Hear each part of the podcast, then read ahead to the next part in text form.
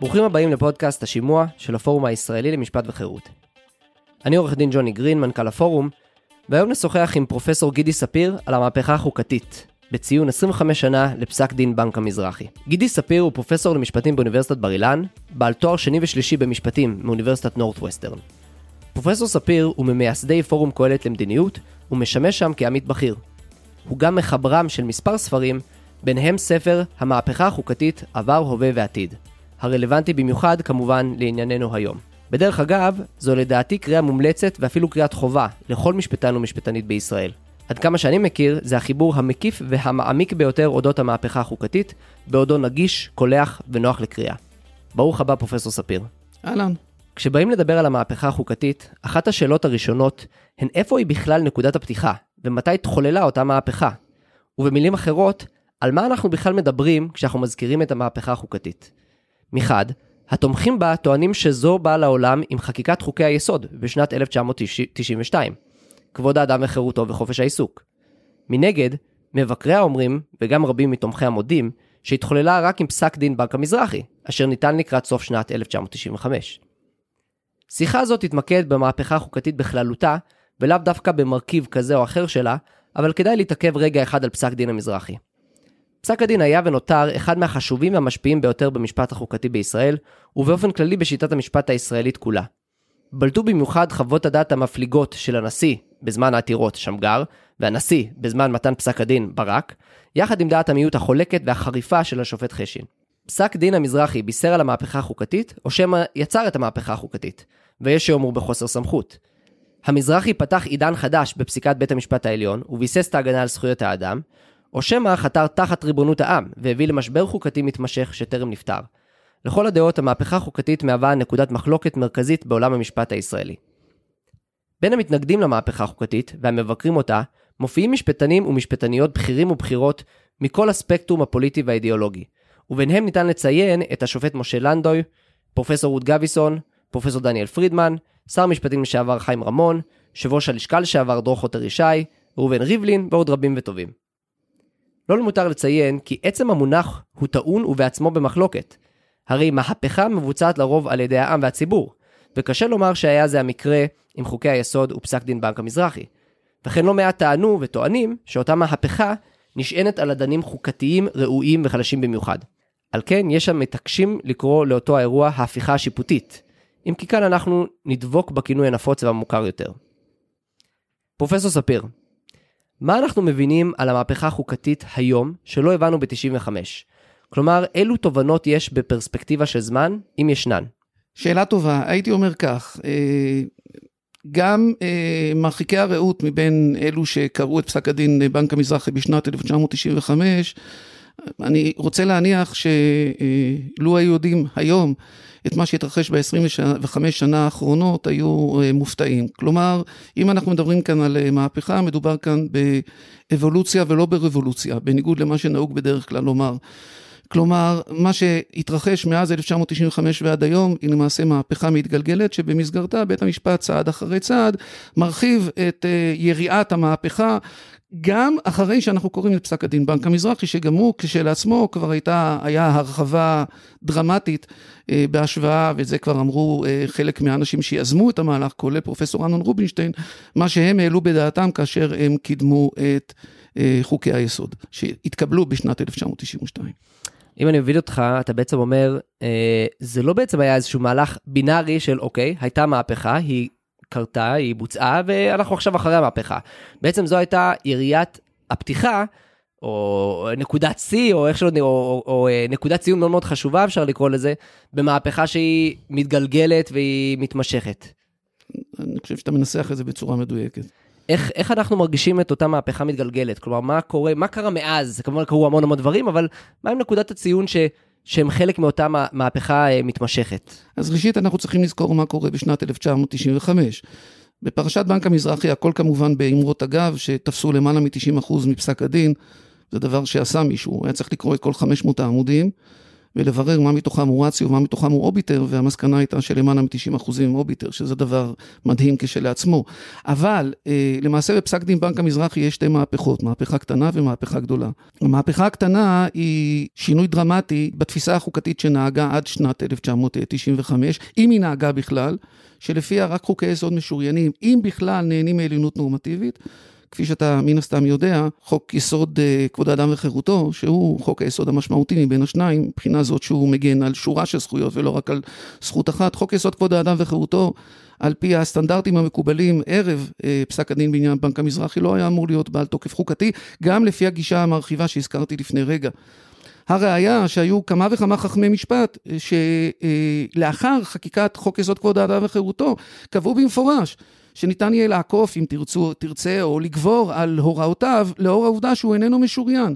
אז החידוש הראשון היה בשדרוג של חוק יסוד כבוד האדם וחירותו תוך אימוץ מונח חדש שלא היה מוכר עד אז והוא השריון המהותי. אבל אה, אם נשתמש בביטוי שנהגו להשתמש בו בשנת 1982 ולא ב-92 זה היה אורנים קטן. האורנים גדול היה הקביעה הנוספת של בית המשפט העליון, שהיא קביעה שאני אה, מתקשה לראות מה הבסיס האינטלקטואלי או המשפטי לה, שחקיקת שני חוקי היסוד החדשים שדרגה למעשה את כל חוקי היסוד הישנים. כאן יש כבר לא רק הרחבה, אלא הקביעה שעומדת בניגוד חזיתי ל... עמדה שנקט בית המשפט העליון כהלכה לאורך השנים, עמדה שלפיה חוק יסוד לא משוריין, נסוג מפני חוק מאוחר יותר, חוק רגיל מאוחר יותר. הקביעה הזאת שתהפוך בשלב יותר מאוחר לרציו, הייתה כשלעצמה קביעה דרמטית. כלומר, כבר בשנת 1995 בפסק דין בנק המזרחי אנחנו מקבלים פה שני חידושים מפליגים, כשאת הראשון עוד אפשר, אה, אה, הייתי אומר, לעכל, למרות שקשה לקבל. השני אני לפחות לא יודע מה הבסיס האינטלקטואלי שעומד אה, בבסיס הדברים, כלומר הקביעה שלפיה כל חוקי היסוד הפכו להיות לחלק מהחוקה שלנו, הקביעה הזאת אה, נראית בעיניי תמוהה. מה קורה אחר כך? כפי שאתה ודאי יודע, אה, שני חוקי היסוד הללו היו תוצר של פשרה. הדבר הזה לא מהווה בהכרח הצדקה או הוכחה לכך ששני חוקי היסוד הללו נהנים מעליונות נורמטיבית, אבל לדעת הכל, גם כנתון, כנתון שבעובדה, אה, זכויות רבות נשארו מחוץ למשחק. אז התחנה הבאה היא אה, למעשה אה, שימוש בחוקי היסוד כפלטפורמה והוספה, קריאה לתוך חוק יסוד כבוד האדם וחירותו, דרך צינור ההכלה של הזכות לכבוד, של שורה שלמה של זכויות חסרות. אגב, בהקשר הזה חשוב לומר שבית המשפט העליון שלנו לא רק שמיישר קו עם בתי משפט אחרים, אלא גם אה, הופך להיות במידה רבה חלוץ העובר לפני המחנה, משום שבמסגרת ההרחבה הזאת, וכרגע אני בכלל לא נכנס לשאלה האם הדבר הזה הוא לגיטימי, האם הדבר הזה הוא רצוי, זה אולי חשוב יותר, אלא אני מתאר את הדברים כתיאור, עניין שבעובדה, בית המשפט העליון שלנו עובר לחזית ולמעשה כולל בתוך הזכות לכבוד גם שורה שלמה של זכויות חברתיות, זכויות בענייני רווחה, כאשר, כפי שיודעים אנשי משפט השוואתי, אה, מהלך כזה הוא מהלך די אה, ראשוני, ודי תקדימי, גם בהשוואה למדינות אחרות שבהן יש חוקה מבוססת, מפותחת, רבת שנים. אז זאת תחנה נוספת. תחנות נוספות בדרך, יש כמה וכמה. אה, ההוספה של אה, ביקורת שיפוטית הליכית, נוסף לביקורת שיפוטית מהותית. כשכאן מי שמוביל את המהלך הוא דווקא מי שנתפס כסמן השמרני בבית המשפט העליון, השופט נועם סולברג. עכשיו, כעניין שבהיגיון, אה, אפשר אולי לקבל את דבריו של סולברג, שביקורת שיפוטית הליכית היא פחות אה, בעייתית. מנקודת מבט דמוקרטית בהשוואה לביקורת שיפוטית מהותית, משום שביקורת שיפוטית הליכית בעצם לא רק מתיימרת, אלא אה, בפועל מחייבת את המערכת הפוליטית לפעול בדרך דמוקרטית. דבר שהיא אולי לא עושה כאשר היא מגניבה חוקים מבלי לדון, בתוכן שלהם בצורה רצינית. אבל כשאתה חושב על הדברים, אה, ואתה מבין שפסק הדין הזה למעשה אה, איננו נשען על טקסט כלשהו שמופיע באחד מחוקי היסוד הנחזים או נחשבים כחלק מהחוקה שלנו, המשמעות של זה היא שבעצם בפסק הדין הזה השופט סולברג אזרח את אה, התזה שהציג לראשונה השופט אהרן ברק, כתוארו אז כשופט בפרשת לאור בסוף שנות ה-80, שלפיה ישנם עקרונות יסוד ולענייננו אין זה חשוב אם אלה עקרונות יסוד הליכיים או מהותיים, אבל הרעיון שיש עקרונות יסוד שמכוחם ניתן לפסול חקיקה ראשית גם בלי עוגן בחוקה, הדבר הזה הוא חידוש מפליג. רוצה עוד חידושים? יש עוד לא אני, מעט. אני רגע נקפוץ פנימה עם שתי הערות, הערה ושאלה. קודם כל, זה מעניין מה שאמרת על, ה, על האורך של אה, פסק דין המזרחי, וכמובן על האחוז העצום שם של, של אמר- אמרות הגב של אוביטר. אני חושב שאפילו יש סברה שבעצם במקום מסוים הכל שם הוא אוביטר, כי לא פסלו שום חוק.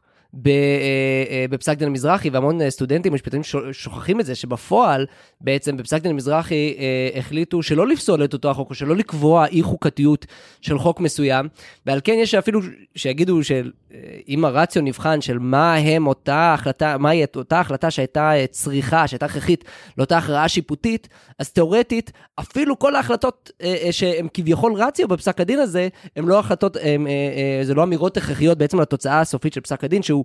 שהשאירו את המצב המשפטי על כנו, אבל זה באמרת, אגב, אוביטר שלי. ג'וני, לא היית רוצה שאנחנו ניכנס כאן לדיון תורה אנחנו לא? נכנס, אנחנו לא ניכנס, לא ניכנס לרציו אני ואוביטר. אני רק אומר דבר אחד, אני אסכים איתך כן. בנקודה אחת, שבתוך הרציו אין דבר שנוגע לשאלת המעמד החוקתי של חוקי היסוד, ושל האפשרות לבצע ביקורת שיפוטית על אה, חקיקה ראשית מכוח חוקי היסוד. יש כמובן חלק שהוא אה, מרכיב, אה, מרכיב מהרציו במובן זה שהוא הכרחי לצורך דחיית, ה, דחיית העמדה של אה, בנק, ה, אה, בנק המזרחי. אבל אה, בכל הנוגע לקביעת הלכה בשאלת המעמד של חוקי היסוד, בשאלת סמכותו של בית המשפט לבצע ביקורת שיפוטית על חקיקה ראשית וכן הלאה, כל הדברים שנאמרו הם בגדר אמרת אגב, אני מסכים איתך בנקודה הזאת. על אה, ביקורת שיפוטית על חוקי יסוד, אני מקווה שנגיע לזה עוד מעט, זה כמובן קצת... אבל חכה אה, נושא ג'וני, לא סיימנו. עדיין, לא, לא, יודע, לא סיימנו. עדיין לדבר על, ה, על התחנות בדרך. לא, לא, אני יודע, אנחנו. נחזור עוד רגע לתחנות בדרך. המיקרופון שלך. אז אה, בדיוק בהקשר הזה של התחנות בדרך, אתה ציינת את ההרחבה של הזכויות, כן, סוג של הזכויות הלא מנויות, כן, unenumerated rights, קצת כמו החוקה בארצות הברית, בעצם ההרחבה של המונח אה, הזכות לכבוד והכללה שם של כל מיני זכויות אחרות, לרבות זכויות שבפירוש הוצאו ממסגרת החוק במסגרת אותה פשרה אה, בין הצדדים, וכמובן הדוגמה אולי השופט הקלאסית. לנדו, השופט לנדו כן. השתמש במטאפורה של חלון ודלת, כן? כלומר, כן. להכניס דרך החלון דברים שהוצאו דרך הדלת הראשית. כן, והדוגמה הקלאסית זה- מוצלחת, הדוגמה הקלאסית זה הזכות לשוויון. אולי, או אחת, הדוגמא, אחת הדוגמאות. הבולטות זה הזכות לשוויון. באמת. אה, אני אפילו, אז אני... אני שנפלה בהצבעה בכנסת, להבדיל מזכויות אחרות שנפלו עוד קודם לכן. אז אה, אני אפילו אומר שאיך שאני מבין אותך, או דרך אחרת להפעיל את מה שאתה אומר, זה שפסק דין המזרחי היה במקום מסוים אה, פריצת הסכר. כלומר, הוא תקדימי מהבחינה שהוא, הוא, הוא, יש לו את התוכן הספציפי שלו, של מה שהוא עשה, אבל הוא בעצם עשה החלפת דיסקט, הוא עשה שינוי mindset בכל הגישה החוקתית של בית המשפט העליון, במיוחד בכל הקשור לקביעות חוקתיות מרחיקות לכת, שלא היו צריכות להיות מעוגנות בחוק הכתוב, בתקדימים חוקתיים, וזה בעצם אפשר שורה של מהפכות חוקתיות אפשר לומר, כלומר זו הייתה רק המהפכה החוקתית הראשונה ואנחנו בעצם בשלל מהפכות חוקתיות מתמשכות, אז הנה רצית להמשיך לדבר על עוד תחנות שהיו בדרך, אז אילו עוד תחנות היו בדרך? אז בואו נזכיר באמת אולי שתי תחנות משמעותיות. התחנה הראשונה היא אה, תחנה שבית המשפט כבר עשה בה שימוש, וזה הקונספט של אה, שימוש לרעה אה, בחוק יסוד, שמכוחו בית המשפט העליון הוציא למעשה התראת בטלות, אבל היא אקוויוולנטית לפסילה של אה, חוק יסוד הוראת שעה שאפשר אה, תקציב אה, דו-שנתי. אה, אחרי שהכנסת עשתה את זה במשך חמש פעמים, אה, בית המשפט העליון קבע שאם היא תעשה את זה בפעם הבאה, אז חוק היסוד הזה אה, ייפסל. אגב, מעניין אה, לחשוב על הדברים האלה. גם הקביעה שלפיה מדובר בשימוש לרעה בחוק יסוד, המסקנה שלה הייתה צריכה להיות לכל היותר, שחוק היסוד, הנחזה להיות חוק יסוד, איננו חוק יסוד. אבל ייתכן שיהיה לו מעמד של אה, חוק רגיל, ואז יהיה צורך כמובן לבחון אותו אל מול חוק יסוד משק המדינה. אבל אה, משום מה, אני אומר את זה רק עם כוכבית, זאת שאלה שאני שואל את עצמי ואין לי עדיין לגבי התשובה, אולי אני טועה בניתוח שלי, אבל דומני שהקביעה הזאת של בית המשפט לא הייתה אמורה לקבור את האפשרות לחוקק את אותו החוק או להתייחס אל אותו החוק כאל חוק רגיל. כן. כלומר, הדבר היחיד שניתן היה אולי לומר לאור הקביעה הזו של בית המשפט הייתה שהכותרת חוק יסוד, לא ניתן להתייחס אליה במובן של חוקה. אבל האם החוק הזה כחוק רגיל, כמו שאגב עד שנת 92 התייחסו לחלק מחוקי היסוד, האם כחוק רגיל החוק הזה תקף או לא תקף? שאלה כן, מעניינת. באתי, לומר, אם, אם תגיד לבית המשפט, אם, בית המשפט אומר שיש לו סמכות לשדרג חוקי יסוד או חוקים רגילים למעמד חוקתי, אז זה מתבקש שיש להם אולי את, הס, את הסמכות אה, לשנמך אה, לשנמך, חוקי יסוד. אבל גם אז השנמוך הזה כן.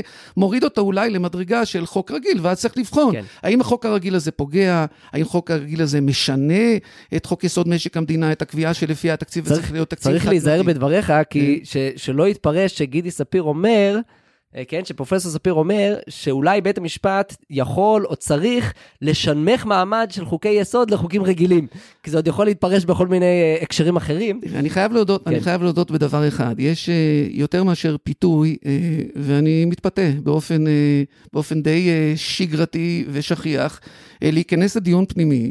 ואתה ודאי גם נדרש לעשות את זה, גם אם יש לך התנגדות למהלכים כפי שהתרחשו עד היום, אתה לא יכול להמשיך לצעוק אה, בצידי הדרך כמו קאטו הזקן ולהגיד אני לא משחק את המשחק. אז גם בתוך השיח והדיון החוקתי, אני חושב שיש מקום גם לכאלה כמוני שמבקרים את המהלך וחושבים שהוא מהלך רע. שפוגע בבית המשפט, הוא פוגע במדינת ישראל ובשלטון החוק במדינת ישראל. אני כמובן גם שחקן בתוך המשחק, בתוך מגרש המשחקים הקיים, ואת השאלה שהעליתי כרגע, העליתי בתוך הקונטקסט הזה. אבל, אבל אני רוצה להגיד עוד מילה אחת, אם כבר אה, הרשית על עצמך, לא, עוד לפני אה, התחנה הבאה, אוקיי. אם הרשית על עצמך להרחיב בסוגיה הזאת של השימוש לרעה בחוק יסוד, תראה, היו אמירות של שופטי בית המשפט העליון, שבמובן מסוים אני הזדהיתי איתן. אמירות שלפיהן ההתנהלות של הכנסת בסוגיה הזאת התנהגות, אה, התנהלות לא ראויה. ואגב, יכולתי לומר עוד הרבה דברים אחרים על התנהגות לא ראויה או התנהלות לא ראויה של הכנסת. אם אני מותח ביקורת על בית המשפט, אין פירושו של דבר שהכנסת אה, חפה מפשע בהקשר הזה, אם מותר להשתמש בביטוי. לא יוצאת נקייה. לא כן. יוצאת נקייה. אין ספק שהשימוש הזה, שהחוזר פעם אחר פעם במנגנון כזה, אה, הוא באמת שימוש שנועד במרכאות לעקוף את חוק יסוד משק המדינה. אבל, אבל, קצת כמו בשכונה, שלפעמים אנחנו שואלים את עצמנו את השאלה, אבל מי התחיל? וזה רלוונטי, זה רלוונטי, לא עד הסוף. בסופו של דבר, גם אם מישהו אחר התחיל, זה לא אומר שמותר לך לעשות כל מה שאתה רוצה. אבל מה אני רוצה לומר בהקשר הזה? מה שאני רוצה לומר בהקשר הזה הוא ששופטי בית המשפט העליון אומרים פעם אחר פעם שהכנסת מתנהג, מתנהגת או נוהגת בחוסר כבוד בחוקה הישראלית. ואני שואל את עצמי לא אחת, מי גרם לכך שהכנסת מתנהגת כלפי חוקי היסוד וכלפי החוקה הישראלית בחוסר כבוד? והאם לבית המשפט העליון, אני אומר את זה בצער, אני אומר את זה בצער, בביקורת, אבל בצער רב, האם לבית המשפט העליון אין חלק ב... במה שכינית השנמוך, לא מבחינת המעמד הפורמלי, אלא מבחינת התדמית ומבחינת התפיסה הציבורית של חוקי היסוד. אני... אם המהלך החוקתי כולו הוא מהלך שמתבצע, אה, או לפחות בחלקו הגדול על ידי בית המשפט, בלי דיון ציבורי מעמיק, ובלי אה, קיומו של, קיומה של מודעות ציבורית ובלי קונצנזוס שלטעמי מהווה תנאי לכך שחוקה תתקבל, אז אני חושב שהוא לא יכול להלין ואולי אפילו לא להיות מופתע כאשר המערכת הפוליטית אה, משחקת אה, עם הקלפים שלה באותה צורה כפי שבית המשפט שיחק עם הקלפים שלו. התוצאה בסופו של דבר, התוצאה בסופו של דבר לטעמי היא פגיעה בכל המערכות. אני, אשתמש במונח קצת יותר חריף, כן, אני חושב שאפשר לקרוא לזה זילות של חוקי היסוד או של המשפט החוקתי בישראל. זה אצלי, ואני, כלומר זה מונח שאני משתמש, אני לא מייחס אותו. מונח מעולה, אני מקבל אותו. ו, ואני מטבע הדברים מסכים לגבי התרומה של בית המשפט לדבר הזה ועל מי, מי יש להלין. רוצה את התחנה הבאה? אני, אני רוצה את התחנה הבאה, אני רק אציין משהו למאזינים, שעורך דין אה, שמעון נטף מפורום קהלת למדיניות אה, פרסם לא מזמן רשומה בבלוג אייקון אה, SIL. אה, בדיוק על השימוש, על דוקטרינת השימוש לרעה בסמכות מכוננת, אה, מאמר מאוד מעניין ומעשיר ואני ממליץ אה, בחום לקוראים. בואו נעבור לתחנה הבאה של המהפכה החוקתית. כן. אז קודם כל, לא ברור שמדובר בתחנה הבאה, כי... או תחנה נוספת, נוספת. לא בהכרח כן, הבאה. כן, כן, כן, כן. התחנה הנוספת היא כמובן, היא כמובן דוקטרינת התיקון החוקתי הלא חוקתי, שעומדת כרגע על הפרק, וזה הדבר החם ביותר, אבל לפני שאני אומר עליה מילה, אה, שאלה מעניינת, שאני לא חושב שאנחנו נוכל להיכנס במסגרת הדיון שלנו כרגע לאינטריקסיס שלה, אבל השאלה המעניינת היא האם אה, דוקטרינת השימוש לרעה אה, בחוק יסוד היא בעצם איננה המבוא, או בעצם זליגה אל... דוקטרינת התיקון החוקתי הלא חוקתי. כך זה נחזה. ומהם מה, מה, מה ההבדלים המדויקים שיש בין השניים. אני רק אציין ש... בפסק הדין שבו בית המשפט העליון כאמור הוציא התרעת בטלות בהקשר של שימוש לרעה בחוק יסוד, השופט רובינשטיין שכתב את חוות הדעת המרכזית, אני חושב שיותר מאשר פעם אחת ובמספר פסקאות הזכיר את שתי הדוקטרינות בנשימה אחת ולי לפחות לא היה ברור ש... הוא עצמו מבין עד הסוף את ההבחנה ככל שזו קיימת בין שתי הדוקטרינות. אבל אין ספק, הדוקטרינה הבאה היא הדוקטרינה של אה, תיקון חוקתי לא חוקתי.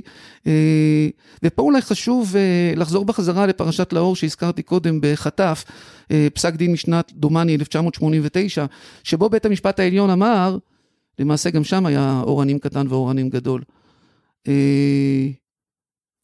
אורנים קטן היה אה, שניתן לפסול חוק גם בהיעדר חוקה, מכוח עקרונות היסוד של שיטתנו המשפטית. אבל למעשה היה גם אורנים גדול. אורנים גדול היה שבנסיבות המקרה הקונקרטי הייתה לנו למעשה חוקה. לפי התפיסה שכאמור אני לא יכול לומר שרווחה, אבל הייתה מקובלת אצל חלק מאנשי המשפט החוקתי, שלפיה חוק יסוד משוריין, או סעיף משוריין בחוק יסוד, נהנה מעליונות נורמטיבית, כלומר, נהנה ממעמד של חוקה, הרי מה שעשה בית המשפט העליון, או מה שהציע ברק בדעת מיעוט, שגם אותה הוא לא לקח עד הסוף, אלא אמר את הדברים רק uh, כדיון, כחלק מדיון uh, אינטלקטואלי או מהצגת האפשרויות, מה שברק בעצם חשב או העלה בדעתו לעשות, היה לפסול את סעיף 4, לא, לא את סעיף 4, את החוק שעמד בתנאי השריון של סעיף 4 לחוק יסוד הכנסת. כלומר, היה כאן סטנדרט חוקתי, הכנסת עמדה בסטנדרט החוקתי הזה, ולמרות זאת, ברק היה מוכן לפסול את חוק היסוד. כלומר, אז... כלומר כבר בפסק דין לאור ברק נטע את הזרע הזה של דוקטרינות התיקון החוקתי הלא חוקתי על בסיס עקרונות יסוד של השיטה וקונקרטית שם באותו מקום הוא אפילו contemplated הוא אפילו העלה על הדף את האופציה כבר שם באותו מקום לפסול אה, אה, אה, אה, חקיקה חוקתית בעצם. נכון אבל הייתי אומר כך שם לא היה מדובר בפסילה של סעיף 4 אלא בפסילה של חוק שעמד בדרישות שהציב חוק יסוד הכנסת. מה שקורה כעת, סביב חוק הלאום, סביב התיקונים לחוק יסוד הממשלה, זאת האפשרות שלפיה אה, בית המשפט העליון יפסול, כאן יהיה מדובר בלפסול חוק יסוד שהתקבל על ידי הכנסת. כמו שכבר אמרו רבים לפניי, ואני לא יודע, אני לא חושב שאני יכול להוסיף כאן, אה, מדובר כאן במהלך חריג, שוב במהלך פורץ דרך, שימקם את אה, בית המשפט העליון שלנו ואת השיטה המשפטית שלנו, הייתי אומר, בחזית. ואני חושב שתמיד עדיף להסתער מאשר להתגונן, זאת אולי אה, צורת החשיבה שלי, אבל אני לא בטוח שתמיד צריכים אה, להיות אה, בחזית. ובמובן הזה, כפי שכבר אמרו רבים לפניי, יש מעט מאוד, אם בכלל, מדינות שפסעו בנתיב הזה. זה נתיב שטרם נחקר, טרם נחרש, והייתי אומר שיש בזה יומרה, שלא לומר אפילו מידה מסוימת של יוהרה. אה, לקחת אה, בסיס רעוע כמו שיש אה, במדינת ישראל, ועל הבסיס הזה לנסות להוסיף חידושים מפליגים מהסוג שבית המשפט מוכן לשקול בנסיבות המקרה שלנו. קודם כל אני אגיד שאנחנו אנחנו נחזור עוד מעט לכן דוקטרינת התיקון החוקתי הלא חוקתי ומה שקוראים המהפכה החוקתית 2.0 וכאלה.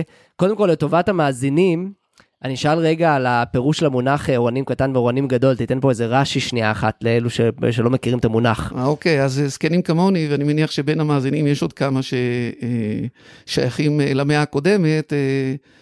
לפחות כך הוצגו הנתונים לאחר מעשה, כשיצאו למה שמכונה בפי חלק מהעם מלחמת לבנון הראשונה, או מבצע שלג, אריאל שרון הציג שתי אפשרויות. אפשרות אחת היא למבצע מוגבל ומצומצם, שכונה אה, בעגה אורנים קטן, ולמבצע רחב היקף, שהוא זה שבסופו של דבר גם ננקט, והוא היה אורנים גדול. ומאז אה, אנשים אה, מהדור שלי יכולים לתת רפרנס ולהתייחס כך גם לאירועים אחרים, ולכנות אותם אורנים, אורנים קטן ואורנים גדל. יפה, אז אם, אם הבנתי אותך נכון, ואני לא רוצה להתעכב יותר מדי על עניין התיקון החוקתי לא חוקתי, כי זה נושא ענק בפני עצמו, ואני רוצה שנחזור רגע למהפכה חוקתית אבל אם הבנתי אותך נכון לגבי פסק דין לאור, אתה בעצם אומר שהאורנים הקטן שם זה מה שאנשים בדרך כלל מתמקדים בו, שזה האפשרות לפסול חוק על בסיס עקרונות אה, יסוד של השיטה אה, המשטרית וכולי. אבל אתה בעצם אומר, יש פה אורנים גדול שהוא הרבה יותר משמעותי, והאורנים גדול הזה הוא שהשופט ברק, כמו שאמרתי, העלה על, על הדף או contemplated בעצם סוג של אה, אה, ביקורת שיפוטית על תיקוני חוקה. לא, לא באמצעות לא, עקרונות יסוד השיטה, והוא לא באמת, אה, צריך לחדד, זה לא בעצם היה על תיקון חוקתי, זה היה על תיקון, זה היה על שינוי חוק או חקיקת חוק שעמד בתנאים של החוקה. עכשיו, ו- ואני חושב שמה שמרומז פה בין השורות, או מה שבעצם אנחנו מנסים לומר, זה שביקורת שיפוטית על חוק שמתקבל לפי הדרישות הצורניות והפורמליות של החוקה, הוא בעצם סוג של ביקורת אה, אה, אה, חוקתית על תוכן החוקה עצמה. אפשר לומר, אם כי גם אתה תסכים שעימות חזיתי שבמסגרתו פוסלים סעיף בחוקה או חוק יסוד שלם, הוא, הוא לא אולי כמו... עליית מדרגה כן. נוספת, אבל הייתי אומר שיש כבר רמז מטרים במובן הזה בפרשת לאור. אגב, ברק חוזר על הדברים האלה גם בשלבים יותר מאוחרים. אני רוצה להזכיר, לדוגמה, לדוגמה, אחרי uh, משבר הבשר הקפוא, למי שזכורים מהזכורות המאורעות, ואחרי אה, אימוץ, הצעה של ברק עצמו אגב, פסקת כפתרון, ההתגברות. פסקת ההתגברות, ששימשה, שאמורה הייתה לפתור את המשבר הקואליציוני בין ש"ס לבין מפלגת העבודה, שבה חברת מיטראל ועתרה פעם נוספת לבג"ץ. כאשר כבר נחקק חוק שעמד בדרישות פסקת ההתגברות, ואחת הטענות שלה הייתה, לא ניכנס כרגע לפרטים המדויקים, אחת הטענות שלה שבית המשפט קיבל, אם כי, בית המשפט הכוונה היא כמובן ברק, אם כי בניסוח מתוחכם יותר מאשר הניסוח של העותרים, ניסוח שלפיו יהיו מקרים שבהם גם חוק שהתקבל על פי תנאי פסקת ההתגברות, גם חוק כזה ייפסל משום שהוא פוגע פגיעה חמורה מדי בעקרונות היסוד של השיטה. כלומר, הרעיון הזה ממשיך להתקיים גם אחרי שנת 1992, גם כאשר ברק מצהיר על כך שיש לנו מהפכה חוקתית ששדרגה את כל חוקי היסוד, כבר יש לנו בעצם חוקה שלמה. הרעיון שלפיו יש לנו עקרונות יסוד שנמצאים בעצם, אם תרצה, מעל החוקה, הרעיון הזה ממשיך בעצם לרחף, לרחף בעצם כסוג של נשר הפורס עברתו מעל כל חוקי היסוד. יפה, אז בעצם יש קונקרטיזציה יפה שם אה, בהקשר פסקת התגברות לאותו רעיון אה, כללי ש, שניתן בפסק דין לאור. בכל מקרה, בזיקה כן. לסיפור של, אה, של תיקון חוקתי לא חוקתי, אתה יודע, יש אמרה, הכל תלוי במזל, אפילו ספר תורה שבהיכל. אז יש לי קולגה, אגב, בחור רציני מאוד בשם, אה, היום כבר פרופסור, אה, פרופסור יניב רוזנאי, מהמרכז הבינתחומי, כמו שאומרים החבר'ה אה, בשכונה, שיחוק. כתב דוקטורט על תיקון חוקתי לא חוקתי, יצא כספר בהוצאה מכובדת, הוצאת אוקספורד, וזהו, זה הפך להיות היום ה... היום זה הנושא החם, ה point of reference, אם אתה שואל אותי, קראתי בעיון את הספר, ברמה העובדתית, ברמה התיאורית, אני חושב שנכון למועד אה, פרסומו, הוא באמת הקיף את כל מה שאפשר היה לומר על העניין הזה. כשאני מגיע לפרק שעוסק בהצדקות, התקשיתי למצוא שם הצדקה. אנחנו, אין לנו פה את פרופסור אוזנאי אה, להשיב על הדברים. אגב, חשוב אנחנו... לומר, חשוב לומר, כן. אדם, אדם רציני מאוד ומקצועי. אנחנו מאוד מעריכים ואוהבים את כן. פרופסור אוזנאי. אה, אה, גם אם אנחנו חולקים על לא מעט מהטענות בהקשר התיקון החוקתי לא חוקתי. אני באמת לא רוצה לצלול כי זה נושא כל כך גדול, אנחנו נצלול לזה בהזדמנות. Uh, כמעט נגמר לנו הזמן, אז אני רוצה uh, לשאול עוד כמה שאלות, להחזיר אותנו לפוקוס המהפכה החוקתית עצמה. עבור 25 שנה, give or take, תלוי מאיפה סופרים. האם בחלוף הזמן המהפכה החוקתית מתחזקת ומתבצרת, או שמא הפוך, היא uh, מתכרסמת, לא יודע אם המצאתי מילה, מתכרסמת ומאבדת מאחיזתה? מה המגמה שאתה רואה? הייתי אומר שאני מזהה שתי, שתי מגמות אה, מקבילות אה, בכיוונים הפוכים. אה, מבחינה פורמלית, אה, בית המשפט ממשיך להפטיר כאשתקד, ואולי חשוב לי להגיד בהקשר הזה, אה, גם כשאני מבקר, אני מבקר ממקום של הערכה, ממקום של אהבה, ממקום של, גם במובן, גם אפילו ברמה האישית, יש לי היכרות שטחית עד מעמיקה עם חלק לא מבוטל משופטי בית המשפט העליון, מדובר באנשים מרשימים מאוד ומחויבים מאוד למדינת ישראל ולמה שהם תופסים כשלטון החוק, ויחד עם זה אני חולק על הכיוון הכללי שלוקח בית המשפט העליון. זה דבר שחשוב לומר בהקשרים הללו. אני גם רוצה לומר דבר נוסף. אה, אני לא חסיד גדול של, של רדיפה או ביקורת ברמה האישית. כמובן, אם שופט בית משפט עליון צריך אה, להשיב על טענות אה, ספציפיות שניתנות כלפיו בנוגע לטוהר המידות, הדבר הזה נדרש כמו שהוא נדרש מכל אדם אחר. אבל אני חושב שחשוב מאוד לשמור על המחלוקת ועל הוויכוח אה, במישור העקרוני, במישור הערכי, ולא להיגרר לריב ביבים ברמה האישית הפרטית. גם כי זה לא משרת את המטרה וגם משום שאני חוזר ואומר, בעיניי האנשים שיושבים שם, אלה שאני מכיר מתוכם, הם אנשים מרשימים מאוד, ישרים והגונים. אה, אז אני אומר, אבל נחזור לשאלתך. ברמה, ברמה המעשית, בית המשפט העליון ממשיך לפתח אה, ולוקח את המהלך אה, מיכאל אל חיל. כל אחד יראה את הדברים כפי שהוא מבין אותם. לטעמי הוא עושה את זה בפחות כישרון מאשר אהרון ברק. אהרון ברק, חלק מהכישורים שהיו לו, היו גם כישורים פוליטיים, והיכולת, הייתי אומר, אולי להבין מתי ללחוץ על הדוושה, ומתי אולי להוריד את הרגל מהדוושה, אני לא בטוח שבית המשפט העליון שלנו לא מכניס את עצמו לפעמים לבורות. גם אם הייתי מסכים עם המהלך, הייתי חושב שיש דרכים טובות יותר לבצע אותו.